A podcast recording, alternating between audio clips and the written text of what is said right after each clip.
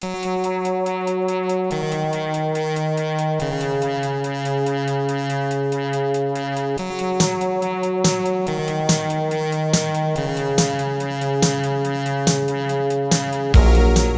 to First Draft with me, Sarah Ennie. Today, I'm talking to C. Alexander London, author of YA novels Proxy and Guardian, and middle grade series Dog Tags and Tides of War. The first book of his new middle grade series, The Wild Ones, is out now. I first met Alex at YALLFest in Charleston, where I was immediately won over by his self deprecating stories and his abundance of positive energy.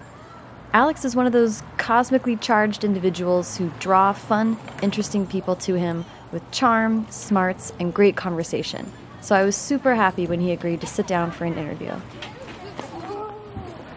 Alex lives in a part of Brooklyn that seems like a few blocks of concentrated kidlit brain trust.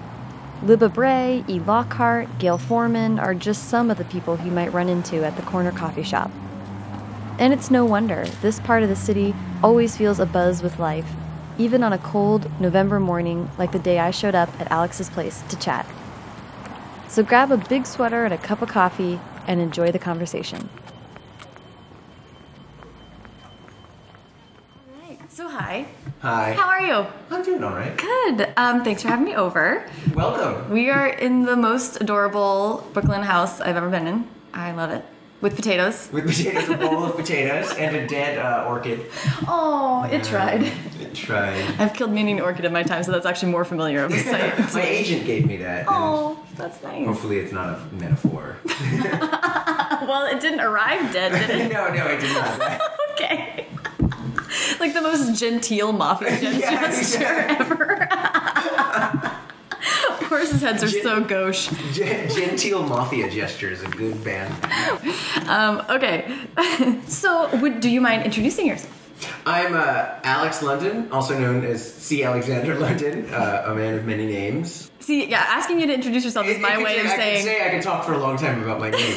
Uh, so I, I actually wrote my first two books for adults. Mm-hmm. Uh, they were adult nonfiction as Charles London because Charles is my first name.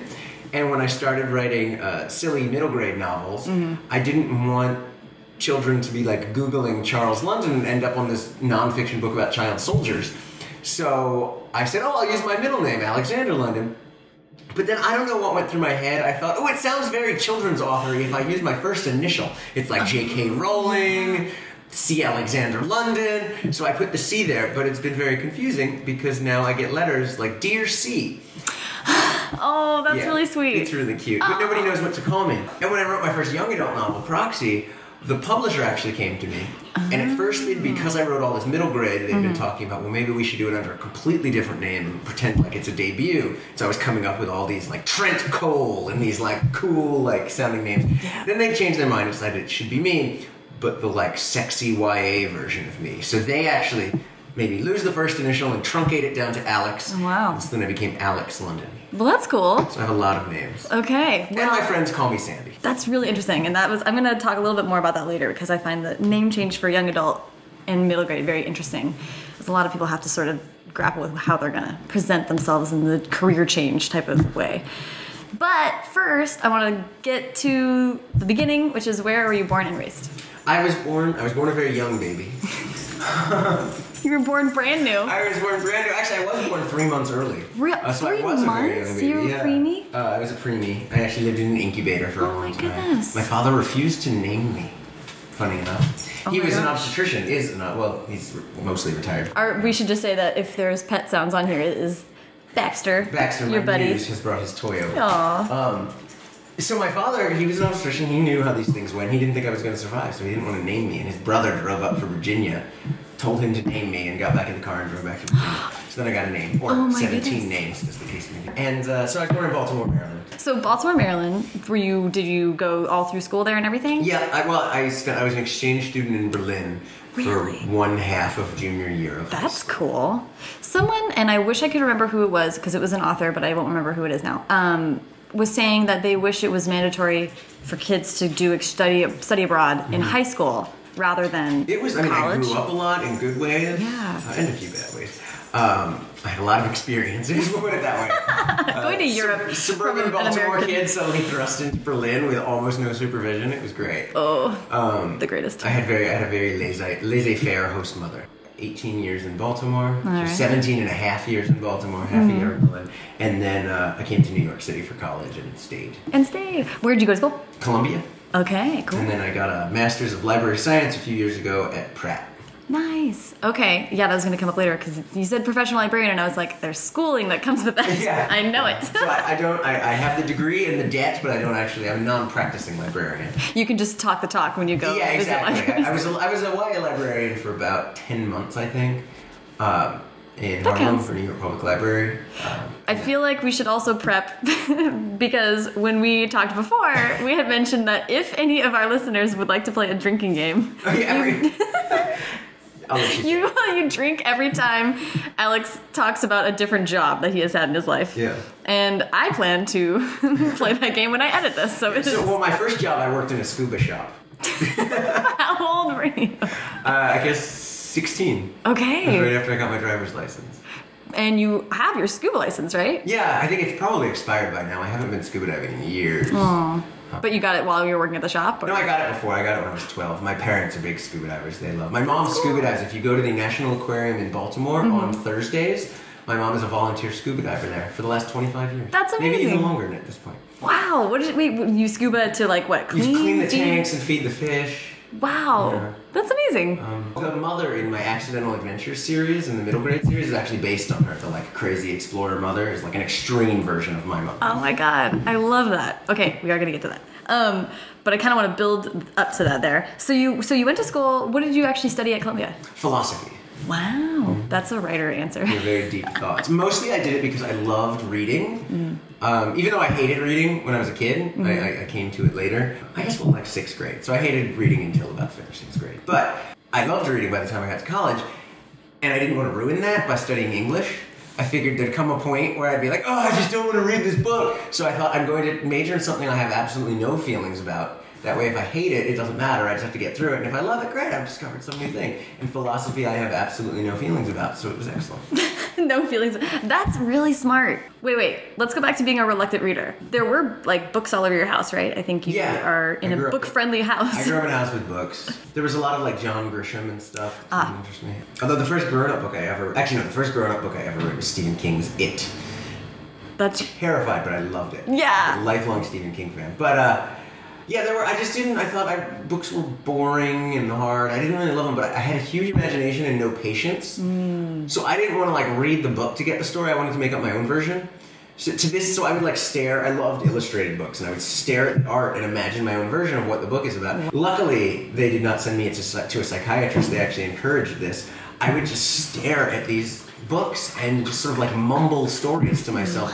And we're not talking for a few minutes a day. I mean, hours. I would sit in my room with my legs crossed, and for hours just daydream stories that's amazing. without ever bothering to read them. wow. It's almost like going into a trance state. I would go into like this fugue state, and I would just hours would pass, and I wouldn't know it because I'd be in some other. It's kind of meditation. yeah, and uh, all my life I would do that. Wow. Do you still ever? Yeah, I'll just sort of like daydream but now I get to do it professionally, um, and that's kind of how I get like where the ideas kind of form or forge, you know, from these books. Is it still spurred on a lot by illustration, or are there other things? Nowadays, not as much. Um, and now I read, so I can be reading, especially nonfiction sparks a lot of ideas. Yeah. But when I was little, I mean, it was that, that bug book, um, and Brian Jacques's Redwall was probably the first book I ever loved. Yeah. And then I devoured that series. Is that what turned you immediately from reluctant reader to devourer of books? Yeah, pretty much. And to I didn't develop pa- patience. Took me longer, so I was still a pretty slow reader, and Mm-hmm. I give up on books midway through a lot.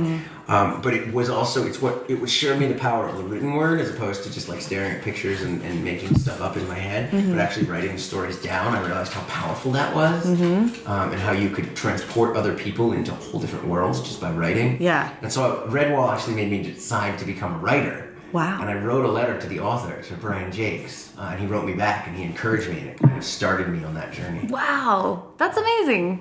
I still Um, have the letter, actually. you still have the letter? Is it like framed or? No, it's in a plastic sleeve. I was just I just did a school visit yesterday, so it's down here somewhere. In the That's so cool. I can grab it. Please, I would love to see it. So that's the letter from Brian Jacques. I love how he ends it. He says, I hope you will grow up to be a writer, and remember, you need to use your imagination. A writer needs to have a vivid and lively imagination. Grow up strong and honest, Sandy. See, he called me Sandy. Grow up strong and honest, Sandy, like a real red waller, kind to your family and true to your friends. Holy crap! It's like a typewritten on some kind of stationery from like a radio station. Yeah, he was. He had a radio show. He did. Um, what? Also, half the letter is just him marketing his next books. Oh, 'cause, you know, gotta, gotta pay the bills. But that last line makes it all worth it. I also have a letter that I wrote to myself in sixth grade. My, it's a letter to my future self, where I'd say I want to be a writer when I grow up. I oh. also a- tell myself I have a girlfriend named Courtney, which was not the case. I lied to I lied Like to you- myself. I lied to my future self about a girlfriend. Like you wouldn't remember. Yeah. So I actually am curious about. I don't know that I have a pointed question about it, but I, but it's interesting to me that you went from from being very very imaginative and and loving story to deciding you were going to c- commit your life to this art form that you had not enjoyed previously.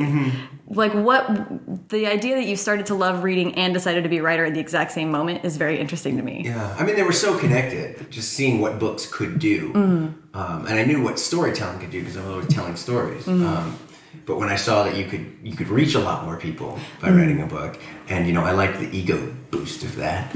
Um, and once I started writing stories down, I got I was pretty good at it Mm-hmm. um, from a young age. So I got lots of positive feedback, and I liked how that felt. Yeah. And I wasn't very good at anything else. You know, I was bad at sports at a very sports centered school, and I Mm. got made fun of for that. I was very shy about it and embarrassed. So like I didn't get much validation on the field. Um, I, my grades weren't great. I wasn't. I wasn't terrible at anything, Mm-hmm. but I wasn't great at anything. So, but writing came naturally to me, and, and then the praise reinforced it. So I wrote more, and when I wrote more, I got better at it because I practiced. And when I got better at it, I got more praise, and I liked praise. So it's sort of it probably led to a lot of my issues now, where I like desperately crave praise in my writing, and when it doesn't come, I'm despondent. I think that's why Nice chat for a therapist. Yeah, yeah. We're all gold for therapy. um, it is interesting to me. I think, and this could be untrue, but I feel like writers are more likely than other types of artists to be we're, we're big gold star people because writing is so tied into this, the actual already the structure of school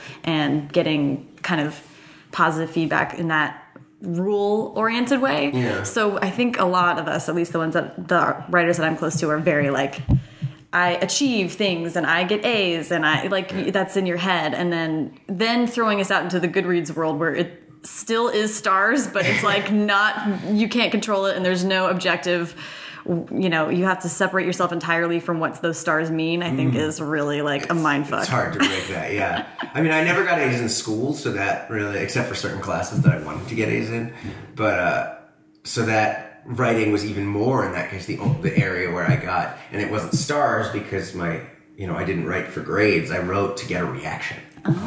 So I did a lot of like mediocre teenage writing that was very provocative without actually being all that good, but just so that I could see like what can I do with this story. And when I didn't get that reaction, it was very upsetting. And I would try, you know, I would have to try harder and more, go either more extreme or you know, because it, it was the the goal was always the the reader. And, uh, Interesting. And, uh, I've had to break myself of that a little. yeah, what kind of reactions were you really wanting? Uh, usually it was either laughter or um, awe. I wanted to either be laughed with Yeah. or worshipped. Mhm. I feel like yeah, that's pretty human. some sort of like sacred clown. is basically what I was. but I wasn't brave enough just to be the class clown, Mm-hmm. um, and I wasn't quick enough. Um, but in writing, I could I could be much quicker, you know, because I had time to revise. Yeah. The okay, so we got to philosophy. Then what? What? Where did you go from there? Um, temping, and uh, well, no, I was I was studying philosophy. I, I did an internship at Rolling Stone magazine, Right. That sort of turned into a full time job while I was still in school. So I was working like forty hours a week there and full time in school. Oh, shit. And I ran a Shakespeare troupe in college. What? yeah, I was the director of a Shakespeare troupe, That's amazing. uh, an outdoor Shakespeare troupe. I liked. I was a theater nerd. okay. Um, so I got into journalism through that internship. And really enjoyed it. I ended up publishing a magazine in college too. I was very like I'm very like I always want to be doing different things, and that I eventually got sort of burnt out on. I realized theater wasn't going to be a career or anything like that, and I didn't really dig music and entertainment journalism very Mm-hmm. much. And I didn't really know what to do with myself, and so I, I got into the idea of advocacy journalism and dealing with some of the issues that I saw going on in the world. This was in 2001, but before 9 11. And I started doing research on children in war and realized there was precious little information about it. So I conned my way uh, into this organization called Refugees International.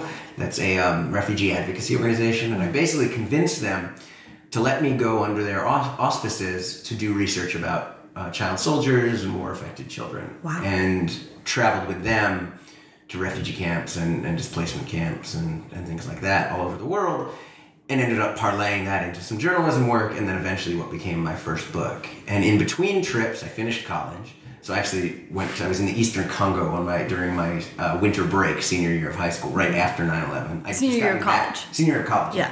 and I just gotten back uh, about five days earlier from a refugee camp in Tanzania when 9 11 happened. So I went from refugee camp in Tanzania to New York, which was suddenly, you know, basically falling apart for a little bit. So it was kind of intense. It was an intense time Wow. to be in New York and to be doing what I was doing.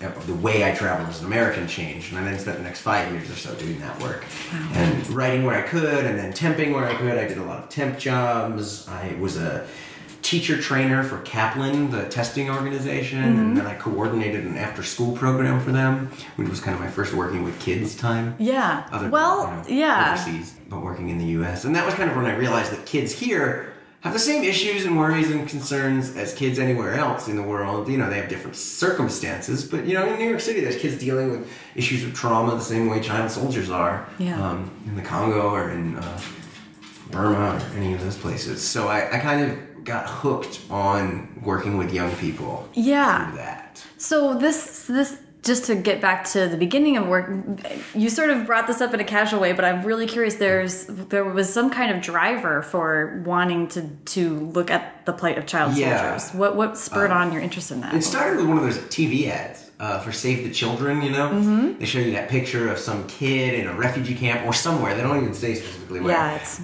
That you just know, kid is poor, usually black, Mm-hmm. and uh, there's like flies on his eyelids and he looks sad.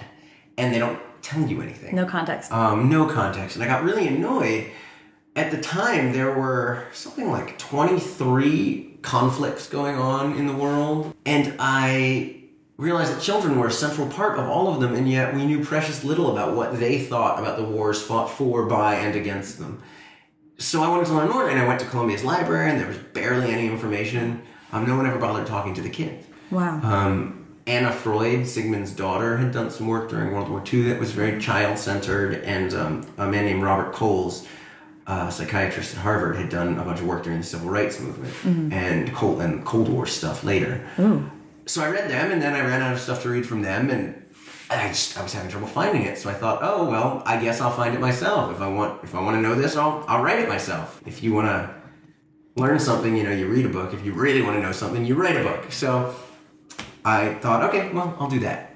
And really, that was about as much as went into it. It was driving my own curiosity. The moment I met these kids uh, all over the world, whose lives were about as epic as um, as any you know Greek hero, I quickly realized this. I had to do this for them. It couldn't be about me anymore. Yeah. Um, That's so and that was kind of what did it. Well, I'm I'm so intrigued by the idea that your driver was was not to help these kids or to write about what sort of what they were experiencing just for the sake of knowing what they were going through. It's to get their opinion on like what do kids think about. and their and their voice. Um, Yeah. Their voices never got heard, and I wanted to give them a chance to tell their stories. And obviously, as the the channel for it, my own perspective came in, and my own biases came in. But my real goal was to share their voices with people, and in the not for no reason. I mean, really, in the hopes that I don't know, in my deluded moments, that things would get better, that we could stop wars, or at least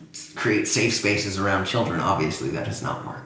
But one man can dream. I mean, what you know that that's so admirable. Of course, we all know as writers, like telling a story is empowering, and you were just giving them something, the ability to do that they had not had. Before. trying to. I'm not sure how much I succeeded. Yeah. Um, and I'm not sure how admirable it was. I mean, I had my own range of reasons for doing it. and that was Right. just one of them. Um, Yeah. I got to sound cool at parties. I get to sound cool right now, talking about, oh, when I was in the Congo, and there's, and I'm sure that's somewhere in my psyche. Um, I went to a very like macho school, and I was, you know, the homo there. So uh, there was something about proving myself. I wasn't obedient enough to go join the military, but I still wanted to prove this macho thing. So it's like, oh, I'll go to a war zone. And none of those guys are going to war zones, and so suddenly that was probably churning somewhere in the weird stew of my brain, getting me motivated. So not all motivations were noble. People are complicated. Yeah. Um, I have like a hundred million questions I want to ask about this, but when you were so when you set out to talk to these kids and get to know these kids, I mean, what was an actual interaction? I am sort of talking about like like nuts and bolts. There was a Like, did you- mixture of, of ways I interacted. I, I would usually arrive at a place and we would do drawings, so I'd hang out with a bunch of kids and we'd do mm-hmm. drawings, or we'd play soccer, mm-hmm. or both. There would usually be a translator there, I mean, mm-hmm. depending where we were. Some places the kids knew enough English. And then one by one, we would either I would take walks with some of the kids and just chat one on one, or we'd like, go into a place and sit down and be like a more formal interview. Sometimes I would meet a kid just once. Sometimes I'd meet a kid several days for you know weeks at a time. Yeah. It really changed. There was no uh, one way it worked. And And, then there were translators and stuff. Yeah. At what point did did your research take shape into something? I mean, because you were doing this Years later, I mean, Yeah. it took it took a while before I turned it into anything. Mm-hmm. Um, not that long, actually. I say a while. It was probably like nine months after my last trip. It formed, it coalesced into a book. But I didn't really know what format that book would, would take. And there's not really a narrative to it. Um, It's kind of structured around different experiences. So it's Mm-hmm. Yeah. like a chapter on being a teen girl in a refugee cha- camp, and a chapter on child soldiers, and a chapter on post-war, you know, how you rebuild, and that kind of thing. So it's kind of thematic because none of the kids told you know, it was hard to construct a coherent narrative. So that's kind of the nuts and bolts of, of what I was doing. But it's also the work that led me to write for children and young adults. right. Doing that, one particular kid really sparked it. I was in on a refugee camp on the Tanzania Congo border, uh, just across Lake Tanganyika from the Congo, and I met this kid uh, who I call in the book I wrote. I call him uh, Barika. That's not his real name, but that's what we call him. I'm still in touch with him uh, over email, actually. Wow. Um, he was at the time like 14 or 15. It's hard to know because there's no birth records. He looked young, but also malnutrition. You never really, Yeah. really knew. Um, and he was a total nerd. Uh, he, you know, was loved school. Couldn't go all the time because he lived in a refugee camp and it was very unstable. He spoke English, French, Swahili, and Swahili and Lingala, so four languages. He could read and write, which was not all that common for kids from the, his area. You know, it was a small village, and it had been attacked, and he'd fled from the Congo into Tanzania. He was an orphan uh, because of the war. Wow. You know, lost his parents violently Yeah. and uh, escaped and was living on his own in this refugee camp. And being a nerd, he was very unpopular with the other kids, and they made fun of him and harassed him. And he drew me a picture of uh, in all these bright colors of kids playing soccer, and then in pencil, just black pencil. Uh, there was this square in the middle of the field with a stick figure in it. And I was like, "What's that?" And he said, "Oh, that's me. I'm buried under the soccer field." Like he was depressed, he was lonesome, but he bonded with adults, like a lot of I think everywhere, like kind of lonesome nerdy kids do. They bond with, they reach out to the adults, and so he reached out and he kind of latched onto me, and we bonded and got to be friends. And then I was leaving to go back to this was uh, the summer before senior year of college. So I'm going back to go live in my dorm and finish college, and he wanted me to adopt him. Obviously, I could not adopt him. I said no. He got upset. I didn't know what to do. I had no training in like child development and psychology. You know, I learned as I went and I read everything I could, but this was right at the beginning of the process. I had no idea what to do. I had a copy of The Little Prince in French and English, one of those dual language editions, mm-hmm. and I was like, I don't know what to do. Have a book, and I gave him this book, and then I left and went on with my research and my life. Graduated from college, had odd jobs. Uh, I was an assistant to a, a talent agent at one point, a Hollywood talent agent. I'm trying to help with the drinking game here. yeah. so, journalist, refugee advocate, part-time temp. Oh, I worked in a bookstore too. at Oh, some nice. point during that. Anyway, uh, life goes on. Years, a couple years passed, and I wrote that book. One day, the soldiers came, and I uh, had a friend who was a, an aid worker who was traveling through that refugee camp about four years after I'd been there, and I asked her to look him up, look like see if she could find this kid, and she was like, you know.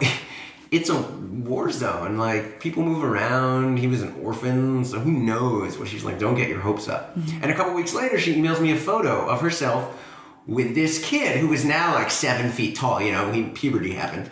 Uh, and he was suddenly this tall young man holding a tattered copy of The Little Prince. And I was like, whoa, he saved it all that time. And she told me, oh no, he didn't just save it all that time. After I left, he started reading it. And, you know, the story of the little prince, a kid on his own looking for connection. And he thought that would really resonate. I mean, it really resonated with him being on his own, a refugee, an orphan. So he starts reading it aloud. And other kids start coming over and listening, one by one, two by two, three by three, more and more kids every day listening to him. And the ones who did know how to read, they wanted to turn. So they would pass the book around and they'd all read it to each other. This book, Little Prince, over and over. And he quickly realized he needed more books. Like, they really loved it and they were learning their English and practicing their French and all that with the book, but they needed more. So he started getting books from everyone he could, from Bibles to technical auto repair manuals, anything he could. And he started what became first the largest book club, really probably the only book club for orphans in this refugee camp of half a million people, and then became the largest sort of grassroots orphan service organization as kids started helping each other out, realizing, oh, this guy doesn't have a blanket, this guy doesn't have a bucket, this guy doesn't have this thing. They started helping each other. Suddenly, this lonely kid went from being miserable and by himself to a community leader of 60 orphans. Wow. Uh, so immediately when I heard that story, I was like, "Oh my god!" So I sent him more books, you know, and uh, and uh, he ended up he's in the university right now studying, and he leads. He now works for a bigger aid organization that's affiliated to some church, and they do orphan orphan work. But through this book, this one book, he built the community he needed. So it wasn't the book that did it; it was him. But the book gave him the armor he needed to do that. And when I heard that story, I thought fuck this, I am done writing about kids and all the miserable things that happen to them. I want to write for them. And I hope in my own small way, you know, my books, they're not The Little Prince. That is a genius book. yeah, I was, nothing is the little. Nothing is The Little Prince. But, you know, I hope that I can entertain kids, give somebody something to laugh at on a tough day, or let them see themselves in the pages of a story, or just get transported to some fantastical world for a few hours. Um, because there's real value in that. Yeah. And, uh, that's why I started writing fiction and when I started writing kids' books. Well, that's a really good reason. Holy crap, that's an amazing story. And you're still in touch with this guy? Yeah, yeah, periodically. You know, internet access is spotty. I actually owe him. I have a stack of books to mail him right now. Cool. And I, uh, I owe him an email. Hopefully, he'll he'll get a good job at his degree. It's still tough over there. I mean, Yeah. In Congo, there's not much of an economy, and the war's still going, so Man, it's unstable. that's incredible. What, so when you made that decision then, Mm-hmm. what what's the first story you pursued? Uh, actually, a, a children's adaptation of my adult book, Of One Day the Soldiers Came. Uh, an editor at HarperCollins at the time named Jill Santopolo wrote to me and said, you know, I, I think we should do a children's version of this book that you did. And I was like, cool. And meanwhile, I had a little story I'd been working on. I had an idea that I had started. So we start developing this children's version of my, my adult book, and the deal didn't happen. It all fell apart, and she took me out to lunch to apologize. And uh, she said, Have you ever thought of writing for children? And it was just like, it was fate. I was like, Well, actually, I've got about 60 pages of an idea about uh, two kids who go on adventures but who hate adventures, uh, who are total couch potatoes. And their parents are famous explorers. And she said, Let me see it. She read it, she had some notes, she gave me some notes. I did her notes, which was basically change the whole plot, keep the characters Yeah. uh, rewrote that 60 pages, and then she bought two books in the series. And before I was even done the first one, she moved from HarperCollins to Penguin, took me with her, bought two more in the series, so it became a four book series. And while I was writing that, started writing Proxy, which is my young adult novel. And while I was writing that, ended up falling into a deal with Scholastic for what will be in the end now eight books. Um, so it kind of I stumbled into it, and it's been weird. I've actually never finished a book before selling it. I'm really eager to, um, but it also hasn't been that long. I really uh, realized the other day I started writing this children's book in about 2010, early 2010. Wow. So I haven't been doing this very long. I just turned in my 16th book. So it's I kind of like what happened these last four years. You, yeah, look away for a minute and wow, dude, that's amazing. The Scholastic books, those are all the dog tag books? Yeah, the Okay. dog tags, and then uh, there's a 39 clues that I'm just. I just yesterday got my notes on the first draft. How was that? We were a little scared. There's a lot of them. Okay, let's back up just a little bit because the we missed the publication. Okay, one day the soldiers came. The I just want to track how that how the you journey to publication. Yes. Um, the journey to publication was weird. Uh, so I started it in college, Mm-hmm. know, and I wrote a proposal before I'd really done much of the work. Mm-hmm. And I sent that proposal randomly. My best friend's father had a book agent. Oh, He was a pretty big deal book agent, and I was like, "Hey, I have this idea for a book. Can I send it to him?" Also, randomly, two of this book agent's biggest clients in the olden days, he was a, much older agent, had gone to my high school including one one of the biggest clients of the agency that this guy had founded. This guy is Sterling Lord. Uh, He founded Sterling Lord Literistic. He represented Jack Kerouac back in the, he discovered Kerouac. Um, Ken Kesey, he's like a legend. And this guy who went to my high school, Walter Lord, who wrote A Night to Remember, which is like the Titanic book. Yeah. Um, and Day of Infamy, which is like the Pearl Harbor book. yeah. Um, so he saw, you know, that I went to the same high school as these guys, and he agreed to have a meeting with me. And I ditched. It was the last day of my junior year of college. I ditched my last class to go meet with Sterling in his office, and I'm sitting there, and it's like this is a legendary place. And midway through the conversation, he stopped saying "you" and started saying "we." And I was like, "What does this mean?" And he said that he'd like to represent me.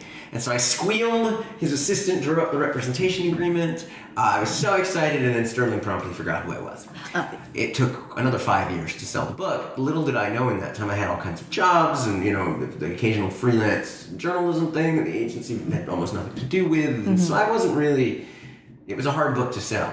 Um, Blood Diamond came out, and that I think helped spur some interest, but we got rejection after rejection after rejection. Little did I know that Sterling had kind of dropped me, but his assistant had said, I, I believe in this book. I believe in this project. Let me take it on. And over those years, his assistant stopped being his assistant, was a full agent, and is now a senior agent there. And uh, one day I got a call while I was t- while I was working as an assistant myself to a film agent, and it was from this guy who, who was my agent who had taken me on, and uh, he worked with my boss. So I on you know they had projects that she was trying to sell for film that, that were his clients, and I said, "Oh, I'll, I'll transfer you." He said, "No, I'm calling for you. Uh, I've got an offer on your book." And I squealed, and I had one of those headsets with a cord attached to the phone, you know, because I was a Hollywood assistant, so I'm just dialing the phone all the time. Yeah. And I leapt up and yelped, and the cord caught, you know, and I got yanked right back into my chair like a dog at the end of its leash. But that that was the moment it finally happened. So he started trying to sell it, I think, in about 2003, I guess, 2004, and it was 2007 when it finally came out. Wow, that's wild. That's so random. It was it was even on your radar that this was still like a possibility. I knew it might have. I kind of given up. I knew he was still trying, and I, uh, but I had kind of assumed it was never going to happen. Gotcha. So then he sells it, and you have to dive back into all that Yeah, stuff. Yeah. So I quit my job. Hadn't gotten so much distance from it in that time, so I dove into my notes and uh, wrote the book. Mm-hmm. The book hadn't sold yet when I decided I needed to quit my job mm. because I was miserable. I loved my boss; she was great, but I just hated being. An, I, I couldn't see myself as an agent. I hated mm-hmm. being an assistant. I had no time to read for fun because all the reading was work reading. I was like crying every day. My boss one one Friday was like, "Listen, I know you're miserable. I see how miserable you are. I can't have you be miserable here. You need to decide if you want to be here. And if you want to stay, come in Monday, smile on your face, excited to be here. If you don't want to be here, I will completely support that. I want you to be happy, but you need to quit so I can find someone who does want to be here. Decide." And I was like, I don't know what to do. My book is never going to get published, and I get so many rejections, and I'm a failure. And it, uh, my now husband, my, my, I mean, we lived together at times, but boyfriend seems so casual. Boyfriend at the time was the director of library, school and library marketing for Macmillan Children's Books, wow. and he had to go to event, an event at New York Public Library that Saturday. And I was sitting home crying and moping and not knowing what to do with my life and feeling like I was trapped. And he said, "Just come with me to this event. It's like a speech. It was called Books for the Teenage, and it was a YA literature thing." Uh, and I go, and Chris Crutcher was the speaker. I'd never read one of Chris Crutcher's books, but his speech was so amazing, and the librarians gathered around were so awe-inspiring, and the entire community was just so fascinating to me. And I met Scott Westerfeld that day. He was the first YA author I ever talked to. I was so moved that I thought I'm going to become a librarian. You know, that way I don't have to be selling anything, but I can be working with books, and I won't be jealous of you know the clients because I was jealous of all the clients who were writers. I was like, I will be working with writers, but not in a way that makes me jealous of them. I'm going to be a librarian. I got to go to grad school. Pratt's deadline was that Tuesday. I called in some favors to get recommendations written in 24 hours. I filled out the application. I wrote the fastest essay I've ever written an essay, and I got my application in on time. gotten into grad school, and it was somewhere in around, and I don't remember exactly when, that my book sold. Wow. So I started grad school and wrote the rest of the book at the same time. And then while I was in grad school, I got a job at New York Public Library, getting the degree and working as a librarian at the same time And writing. and writing, and that was when I sold my second book, which I sold for enough to quit my job at the library, and that was the last time I had a real job. Now, now I write full time. Wow, dude, that's amazing. So, okay, so um you then you get into the Accidental Adventure series, which I want to hear all about because it's such a like awesome idea. And so inherently, it's sort of Lemony Snicket like inherently like attractive. This idea that these two kids are like, uh, Uh, I'm just so over it. The first, so the idea came from kind of two places. One was a thing that happened when I was little. My sister and I, we were little kids, were uh, at my grandmother's apartment watching TV, and you know we were like inches from the TV, and we had our chins resting on our hands, and we're staring at the TV and cartoons, some kind of cartoons were and We're like, ooh. And my grandmother comes in, and she'd had a really tiring day, and so she just flops face down on the bed just to like you know in dramatic grandma she was being funny but she just flops face down on the bed and without turning our heads my sister goes i think grandma just died and i went yeah we didn't move i mean it's okay, you know, she starts laughing because that was our reaction to Yeah. her um, and that just stuck with me that moment of like these kids who this amazingly dramatic thing just happened and they were just like whatever tv um, and then i was uh, in burma in 2007 you know like you do during the saffron revolution that was happening there. And uh, I was I was there not doing research about anything political, but I got caught up in this political thing. And the military junta that controls Bur- controlled Burma at the time passed an emergency law banning foreign journalists from the country. So I kind of went into hiding. I had to like lay low because I didn't want to get arrested or deported or anything like that. Uh, so I was stuck in a friend's hotel room. They had satellite TV, so I was trapped inside this this luxury condo basically, uh, watching satellite TV for three days while this revolution was happening outside the window. And um, for some reason, you know, they scrambled all the news channels, but we still got Nickelodeon. So I spent three days on the other side of the world in the middle of a revolution watching SpongeBob SquarePants and having the best time ever until the third day of the revolution when the uh, government of Burma just shut the whole satellite TV signal off altogether. And I was heartbroken. I really missed SpongeBob. And it was on the flight out of Burma that I had that like moment where I was like, wait a minute. I could write a story about this. There could be a kid who was just like me, a brother and sister who loved television so much they're having all these adventures all over the world, but all they want to do is watch television. And that all clicked, and then I was like, wait, the parents could be like my mom with the scuba diving and the like adventure, but instead of being, she's actually a financial planner, she just volunteer scuba dives. But in the story, they could be like actual explorers who do this kind of crazy stuff for a living, and then it all just kind of came together, uh, the concept. And then I wrote the 60 pages, gave it to Jill, she said, this is not the story, but these are the characters, make a different plot, made a different plot, with the same concept, and that's amazing. four books later. I love it. So the I'm curious about how writing middle grade, how it was to try out that kind of voice, because you wrote all these really different things in high school as a young mm-hmm. writer, and then narrative journalism To me, it's never been hard switching voices because of the journalism, because of the training that that was. My job was to capture other people's voices, and nobody sounds the same. Um, and also to then capture whatever sort of narrative voice I needed to fill in the gaps in their stories and to convey the information quickly or dramatically or whatever feeling I was going for in my reader. So I learned how to deploy all these tools and all these different voices and move between them and you know make somebody sound like they sounded in real life. So now with middle grade, I have to make fictional people sound like they sound in fictional life. But it was the same skill set. So for me, it was never hard. Voice, I mean, it's almost like how a musician just knows what note should come next. I, I just have a feel for the voice. So when I sit down to write like gritty sci-fi YA, I just kind of know like, oh, this is the voice of this book. Yeah. And that's never been hard for me. Everything else in writing has been hard for me, but, but finding the voice I need to tell a story. I know I need to tell that story if I know the voice. Until I kind of feel the voice, I don't know if I'm going to write that story. I don't kind of come up with the plot and then get the voice. I kind of mm-hmm. get the voice and then know that I'm going to write that book. And to what extent is voice tied to character? Entirely, or is that different? That's a good question. I think there there's a symbiotic relationship. Mm-hmm.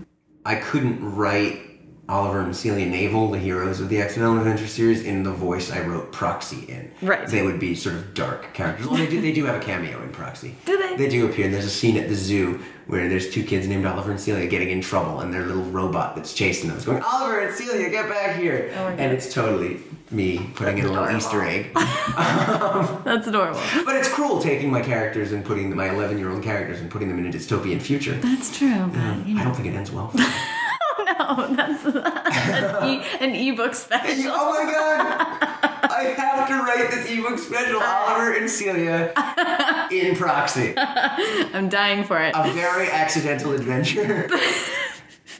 By Alex London and no, MC Alexander London. this your This- publisher will be so yes. excited. Call out Penguin. Boom, done. Um, because because I think that in a way it's like vo- voice to a writer. Voice is always encompasses character.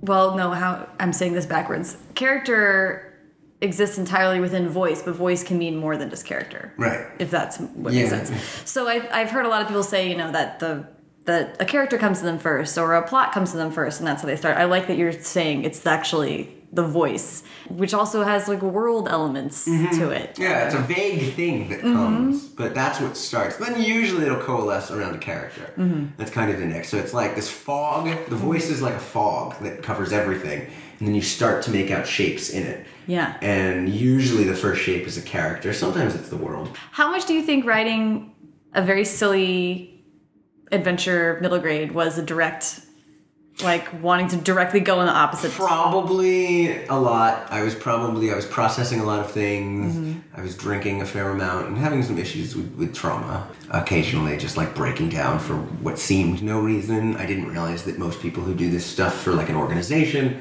there's therapists and they're recommended to them. I was just freelance. I was on my own basically. So I never really dealt with some of the things I saw or did and all that. And so I um I need it was al- it was very therapeutic just to be silly. Um, since I've dealt with this stuff and I'm, I'm much Yeah. less troubled. How? Um, well, but can I ask really quick just how much of writing the book felt like therapy, or was it like when then you were that done? one didn't. The writing the book did not.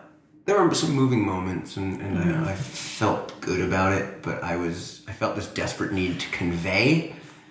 It wasn't about healing myself. It was about like trying to heal the world, and and I uh, and I knew it was a mission doomed to failure.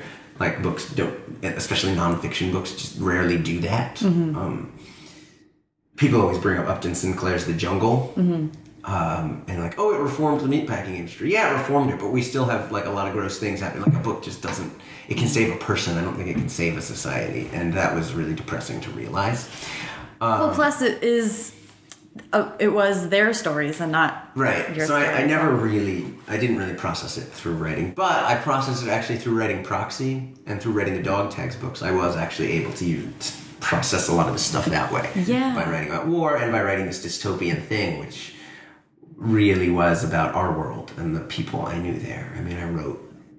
I wrote the characters in Proxy a bit for my teenage self, but also for these kids who never got to see themselves as heroes of this kind of story so that the, all the writing is in a way therapy but i also think we run into a danger when we turn our books into our therapists um, publishing is a business not a, a not a medical field right. um, if you Right. look to it for too much of your own well-being you will be driven completely mad and i'm certainly guilty of looking to it like oh if i can just do this with this book then i'll be happy if i Mm. can just write this character perfectly then i'll be the, the happy if i can just make this big seven-figure book deal then i'll be happy it's like Mm. no yeah. you if you're not that someone and i wish to god i can remember who it was that said this to me uh, if you're not enough without the book then you're not Yeah. gonna be enough with the book exactly but it sometimes doesn't feel like that Yeah, because they're so deeply tied to the books we write. All even the silly adventures. Yeah, um, yeah. They're all a part. Like I, I am that guy who wrote the silly stories. Like we give a squid a wedgie. That's the title of one of the accidental. Mm-hmm. We give a squid a wedgie. I'm also that guy who wrote One Day the Soldiers Came and who wrote Proxy. Like we all contain these multitudes. Mm-hmm. They are all part of me, but they are not me. Right. Um, and when I get confused about that, that's when there are temper tantrums and things go down yeah, things go the, the, the self googling of shame. Oh, yeah. uh, just like looking for pain. Yeah, yeah oh god uh warning. Don't don't do it. Yeah, no, Step not- away. A writer in possession of the internet is uh, Doomed to be unhappy? Want of a therapist or something. There's a way to phrase that. So, so the silly stories. I'm curious about. Well, uh, it is sort of in reaction, right, to dealing with heavy shit and then sort of pivoting and, and writing sillier stories. But the backdrop is still. I mean, you are still watching TV while a war goes on outside. right. I mean, but in the books, there's no like war going on. Uh, But there's crazy things happen. mom in danger. the Yeah, there's mom. My mom is missing uh, Right. and then in danger. Dad is always in danger the whole time, but in a silly cartoon way. I mean, they really read. There's one reviewer wrote, and she meant it as an insult, but I thought it was the best compliment ever. She said, uh, "They read like Saturday morning cartoons," and I was like, "Yes." Even though sadly Saturday morning cartoons don't exist anymore. All my praiseful reviews that I've read, and I'm not one of those writers who denies reading reviews. I totally do. I wish I didn't, but I do. I'm weak, and I need the ego boost. but all the like best praise I've ever gotten has always been in the form of an insult. Interesting. I was just thinking the Dog Tags books also got a review that was kind of insulting, and, and the, the reviewer said these books are good for fans of Call of Duty, the video game. And she meant it as an insult, but I was like, that's the highest praise ever. Yeah. Well, I do, and and the middle grade dog tags are is considered grade, middle, yeah. middle grade as well. I did like that was a thing that I thought was a theme between the two of them was the sort of the dog tags deal with um, animals helping in war efforts, and the accidental adventures are sort of these lovable kids in the middle of like shit blowing up. So it felt like exploring that contrast in two different ways. Yeah, I think in middle grade especially, there always has to be something, I almost want to say joyful to latch onto, even if it's not a happy story. Um, those ages are, or should be, hopefully, are a joyful time uh, in life. And even in a like heavy story, so in the dog tags books, it's the dogs. Like you can always, everyone loves a dog, and you can always sort of love that dog even in the middle of, of a war zone, even when the humans are doing terrible things. Right. And the accidental adventures, I think it's in the tone of the book. So some terrible stuff happens, but in this like joyful tone, and the characters are sort of easy to dislike in a fun way because they're so like TV obsessed. You can see just enough of yourself as a kid in there, but also be like, I'm not that bad. They're hanging off a cliff, complaining about how bored they are because there's nothing to watch. Right. Um, and so there's this like joyfulness in there that I don't think is necessary in YA. You need there's other elements that I think are necessary in YA, but in middle grade I think it is that like no matter what's going on, you've got something hopeful to latch on. Yeah. So, well, let's talk about dog tags a little bit because you said that was therapeutic in some ways. Yeah. How did you, how did you get to this series, and then how did you? The series Scholastic approached me. They had read an article about Cairo, the Navy SEAL dog who was on the raid to get Osama bin Laden, and I had read the same article and was thinking about it, and I had actually started writing a dog book, and separately started writing a war book uh, about a soldier coming back after the war, um, and they were both middle grade, and I was playing around with the two ideas, seeing which would kind of stick. And David Levithan called me and took me to lunch and said, We have this idea. We read this article and we think we want to do a series about dogs in war. It'll be called Dog Tags. That's all we know. Wow. And I was like, Okay. And he said, Would you, is that something you'd want to write? And I was like, Well, I've kind of already started. Yes. and uh, so I wrote the first books in, book in that series in six weeks because I had it already. I'd started basically that book. I, it just poured out. It was the book I had been meaning to write. wow. Um, That's so cool. and I was at the time part of a national security think tank called the Truman National Security Fellowship. So, another weird job. Uh, so, I was in the national security realm and knew a lot of, of military people and veterans through that. So, I had a lot of people, a lot of access to interview people. And um, I realized that for a 10 year old, the U.S. had been at war their entire lives. So, and we were telling precious few stories that were appropriate for them about these wars. So it became something a very driving thing that I could work out my own feelings about war. I could problematize war in an interesting way. I could write about dogs because I love dogs. I could write about the morality of bringing a helpless creature who can't make a war into a war and using them as a tool in that war. And what does it mean to do that? To put dogs in these dangerous situations. And um, Not unlike putting children in dangerous yeah, situations. the dogs definitely became a stand-in for children, uh, and they're the characters that children reading it latch onto and sort of identify with. It's not the you know 19-year-old Marines, Right. Um, as much. I mean, they do they do dig the Marines in it, um, and I could just kind of explore my own feelings. You know, they're the books are not pro-war, but they're also not exactly anti-war because there is, and this is something people hate to admit. There's a thrill to war. There is a an excitement Well, you mentioned the people playing Call of Duty. yeah. That's It's- voluntary. It's addictive. Uh, and war itself is simple You know, your needs are fairly simple when you're in a dangerous place, um, and it's exciting as hell. Like you are not bored, uh, or you're bored. There are long stretches of boredom, punctuated by moments of just absolute like you feel. It's terrifying, but you feel so alive, and uh, I wanted to explore that. Um, and I think an honest exploration of it is completely appropriate for kids. Um, you know, there's things I won't describe, and there's things I won't necessarily say, and, and their language is toned down, the way people talk, but it's not dishonest. Yeah. Um, kids can understand that, and I think they're going to grow up to be the adults who make or don't make war, and they should have a vocabulary for that. And we get our vocabulary for who we're going to be through narrative, and I wanted to give them these narratives. So, so dog tags really became a way for me to do that. Wow. Um, And they're just fun as hell. I mean, they really are still Boy and His Dog adventure story. yeah. Or in the case of the new series, that is based on the same series, Tides of War, it's Boy and His Dolphin. Because there's a Navy program. The Navy has a marine mammal program. Yeah. Like the dog program on land. I was just reading about that. It's dolphins and sea lions. and- Wasn't there some thing recently like the Russians are stealing our dolphins? There's a thing, and you might be hinting at the plot of the third Tides of War book that I haven't started writing.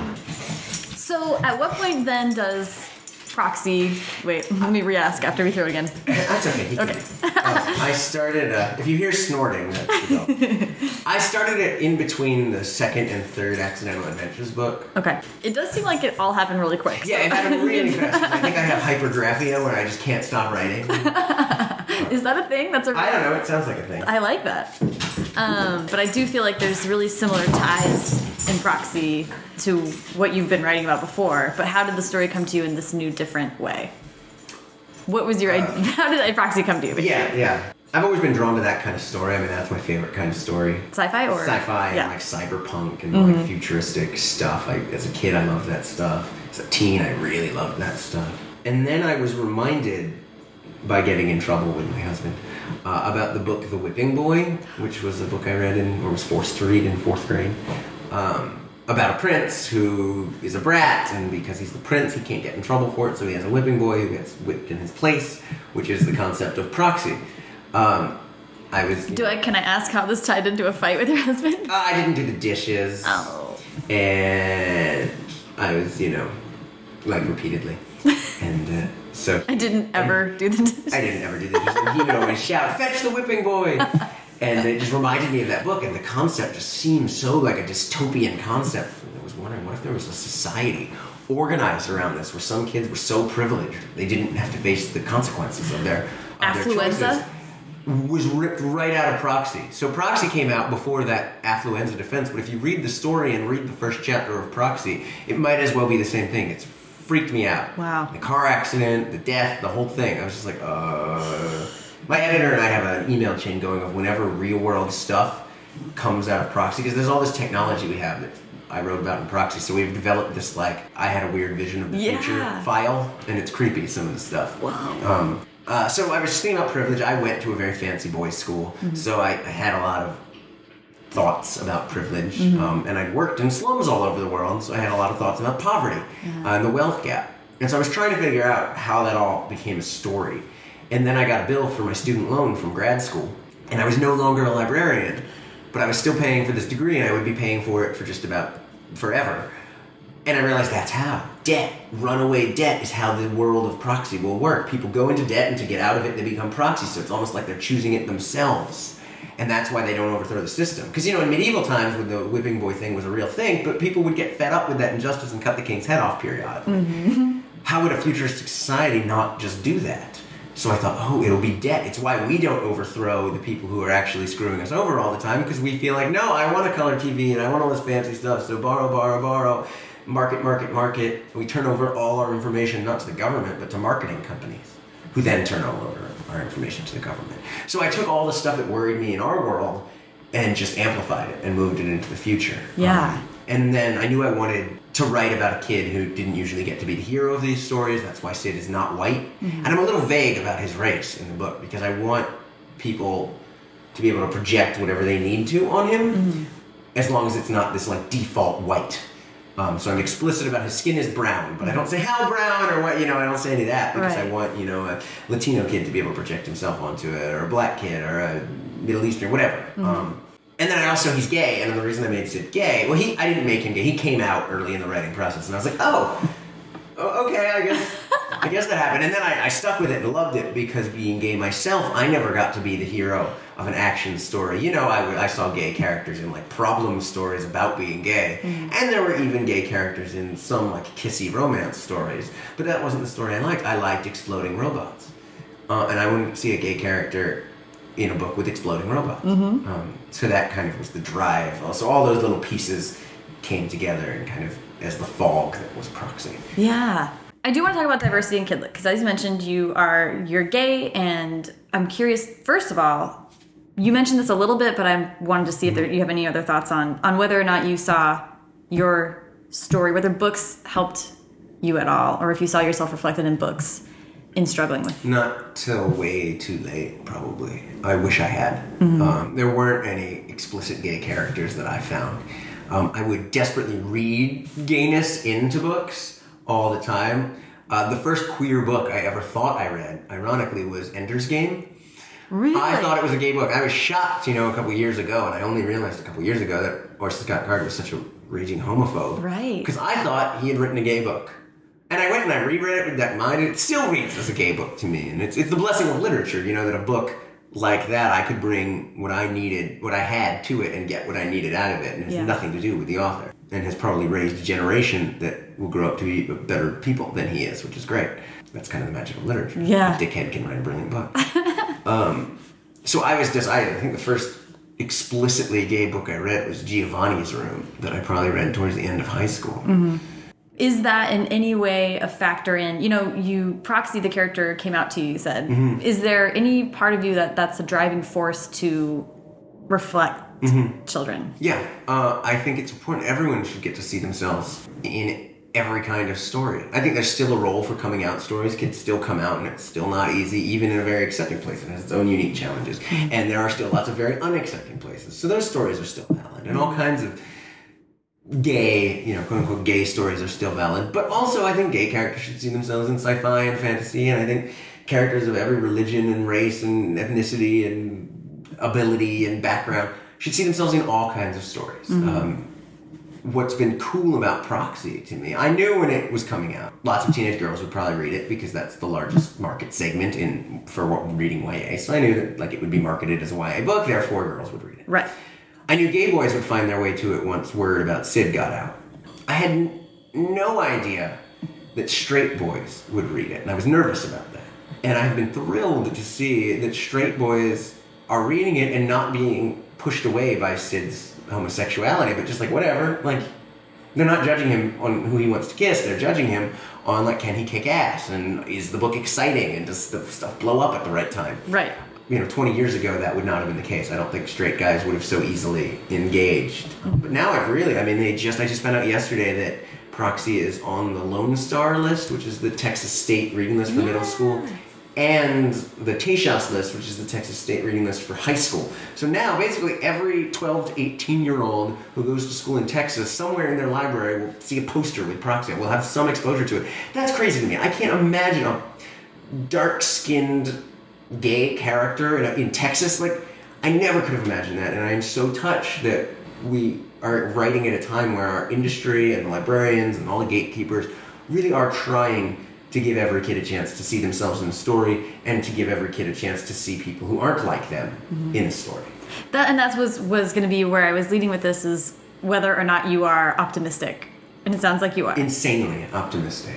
At least with there's other issues, but at least with homosexuality right now, I think uh, a lot of kids aren't. It's no big deal to them these days. They're like, whatever. Why are you guys making such a big deal of it? Mm-hmm. Um, now that now it's like I'm old school. Some kids are like, "That's so binary, gay and straight. Like it's a spectrum. Come on, dude." And I'm like, "What? Wait, wait. I'm like, I gotta catch up with them." I think it's an important conversation. I think teachers and librarians are doing their part, but ultimately, all of these panels and conversations about diversity don't mean a thing if the books don't sell. Um, it's still a business, and to me, that's the next step: is when is there going to be that hit book, like huge hit? You know, I have a good career. It's not like I'm suffering by writing diverse characters, but when is going to be that huge hit? Where the diverse, the quote unquote diverse character is center stage. You know, I mean, Riordan, there's amazing diversity in his books. Right. And uh, Cassie Clare, amazing diversity in her our pal Veronica has has great racial diversity. in her Right. books. But yeah, if Tris was a lesbian, Right. Would, would those books have broken out? I don't know. There's no way to know now. yeah. Center stage. Like I, I thought it was going to happen with Varian Johnson's The Great Greene Heist, the middle grade book. Oh. Didn't hit the bestseller list. Um, I do think. I mean, um, Marie Lu's The Young Elites on the bestseller list. Very diverse book. There's sort of a polysexual character. There's characters of all kinds of races. There's diversity in there. I think we're moving. Well, and she is a diverse writer, which is Yeah. huge. Um, I'm curious about how you ha- the approach to that. Middle grade's a tough time. Like we're talking about, it's early on. A lot of these issues, people discovering themselves in a lot of mm-hmm. different ways. When it comes to LGBT stories in middle grade, to what extent are you talking about it, or is it I mean, realized? I, I none of my books so far have had it in it much, just because that's not the story. There's no there's no romance at all in them. right. That's the other thing. Is it's Um, not, so there's no, it just doesn't come up. In Tides of War, actually, I, there's sort of an implication that one of the characters, actually, the two of the characters might end up together in a way, but it's never said because it's just not part of the story. It doesn't matter. It's not right. It would be a pointless distraction. Mm-hmm. right. Um, in my next middle grade, there is uh, a gay couple that just kind of exists in the story. Mm, matter of That are kids that are the or a parent. Uh, no, it's a, a, uh possum and a badger. It's a talking animal. That's right. So they're a same-sex interspecies couple. That's right. Oh my gosh, breaking all the barriers. Very well, I know. It's very tempting. Um, but so I don't know, but I mean, people are. You've got like Tim Federle writing that, uh, Nate books, and there's a, a new, uh, believe a, tran- a trans trans character coming out, Gracefully Grayson, Yeah. middle grade book. Middle grade, it's it's starting to happen.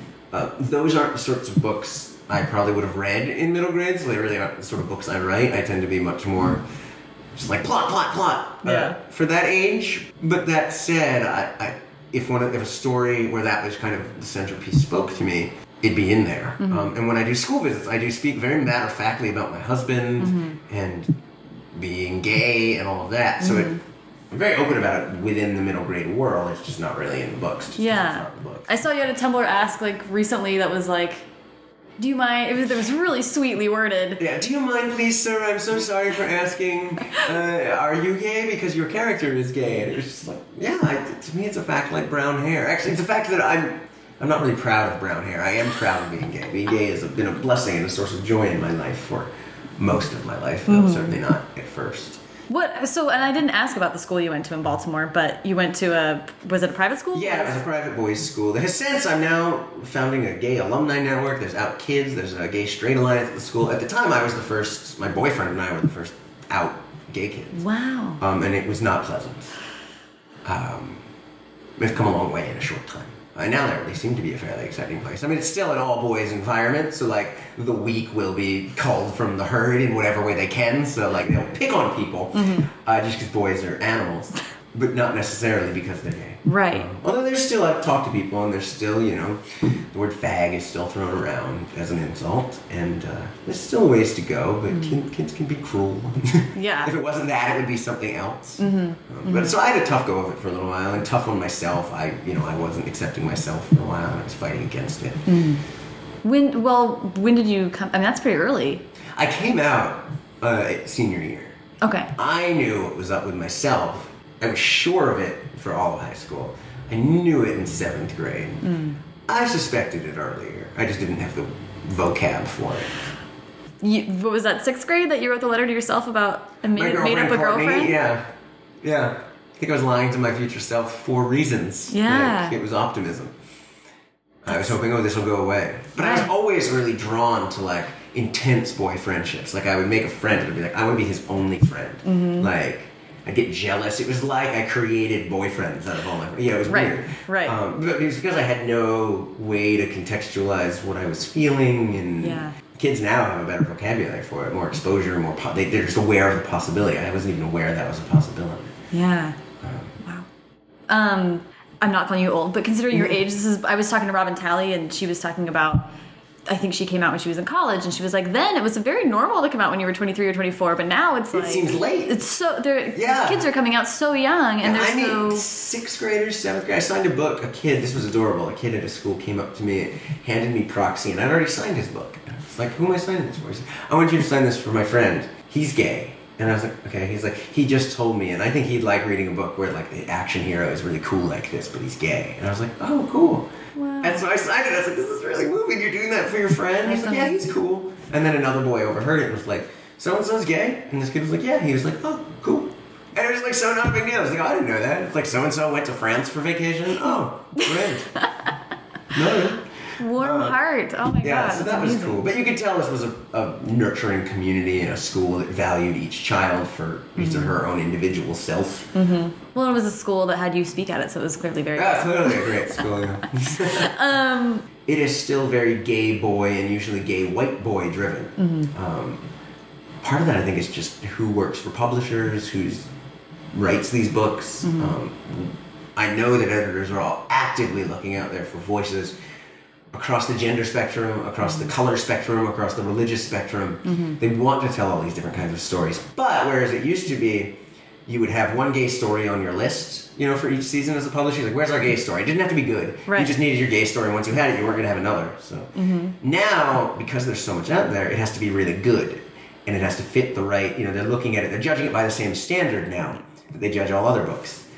And so it can't just be a gay story. It has to be a killer gay story. It has to fit their other publishing needs. You know, well, we, we have six fantasy novels, so we don't need another fantasy novel right now. And That narrows the pool. And suddenly, if you're looking for a black trans experience sci-fi story, you have to find something that specific that is also great. Excellent, And yeah. yeah, it's like that is hard. Um, yeah.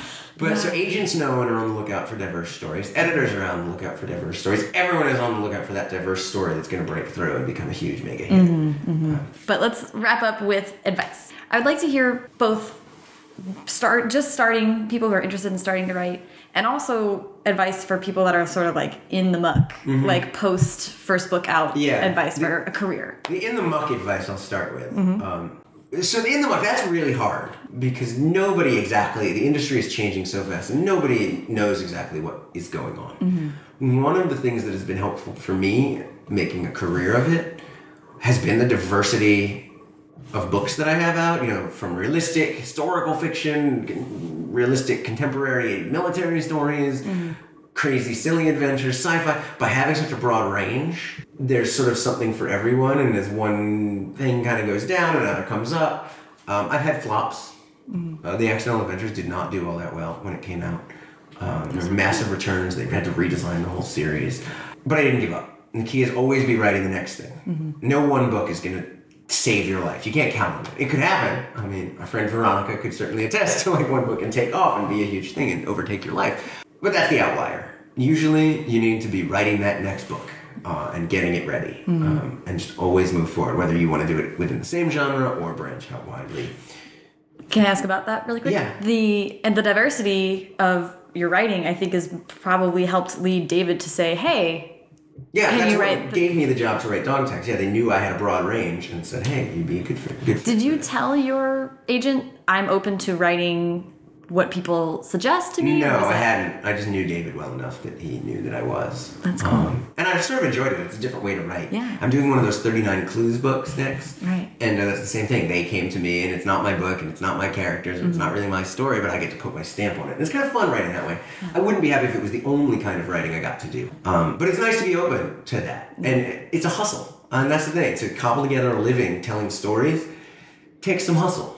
Um, there's no one right way to do it. I'm terrible at branding. Some people are, would give the opposite advice and be like, stick to a brand, build your name in that, and charge full speed ahead and like nail it with that brand, so that when people look at your name, they know the book they're going to get. Yeah.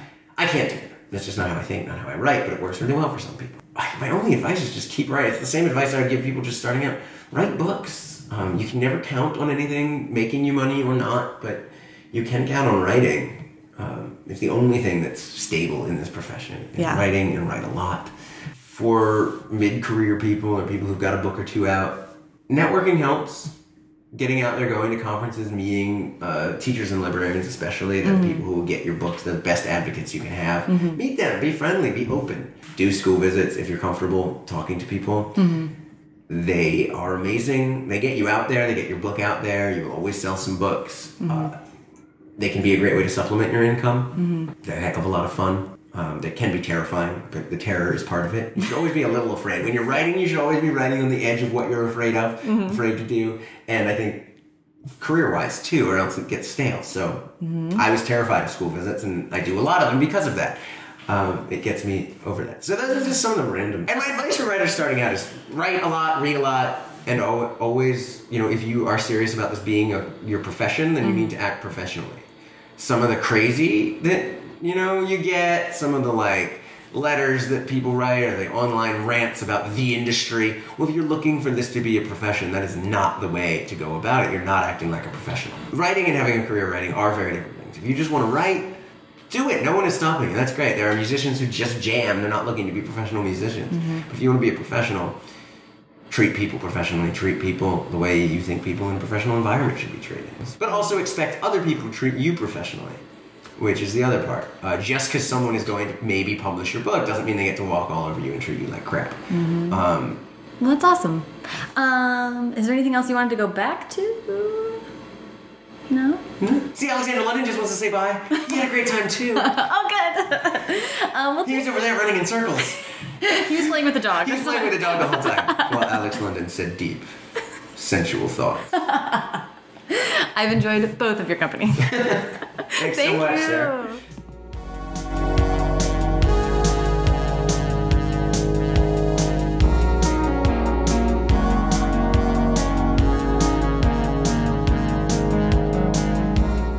So much to Alex. Follow him on Twitter at CA underscore London and follow the show at First Draft Pod and me at Sarah Enni.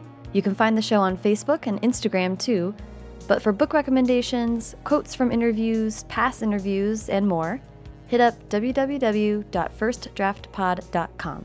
If you like what you heard, think about subscribing to the show on iTunes and maybe even leaving a rating or review. It will either wake you to the reality of the Matrix or make the computer program you call home that much more numbingly comfortable. Thanks to Hash Brown for the theme song and to Colin Keith for the logo. And thank you, intrepid listeners, for getting all the way to the end.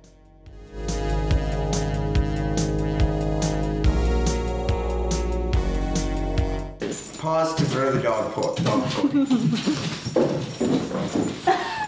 the dog toy has been thrown.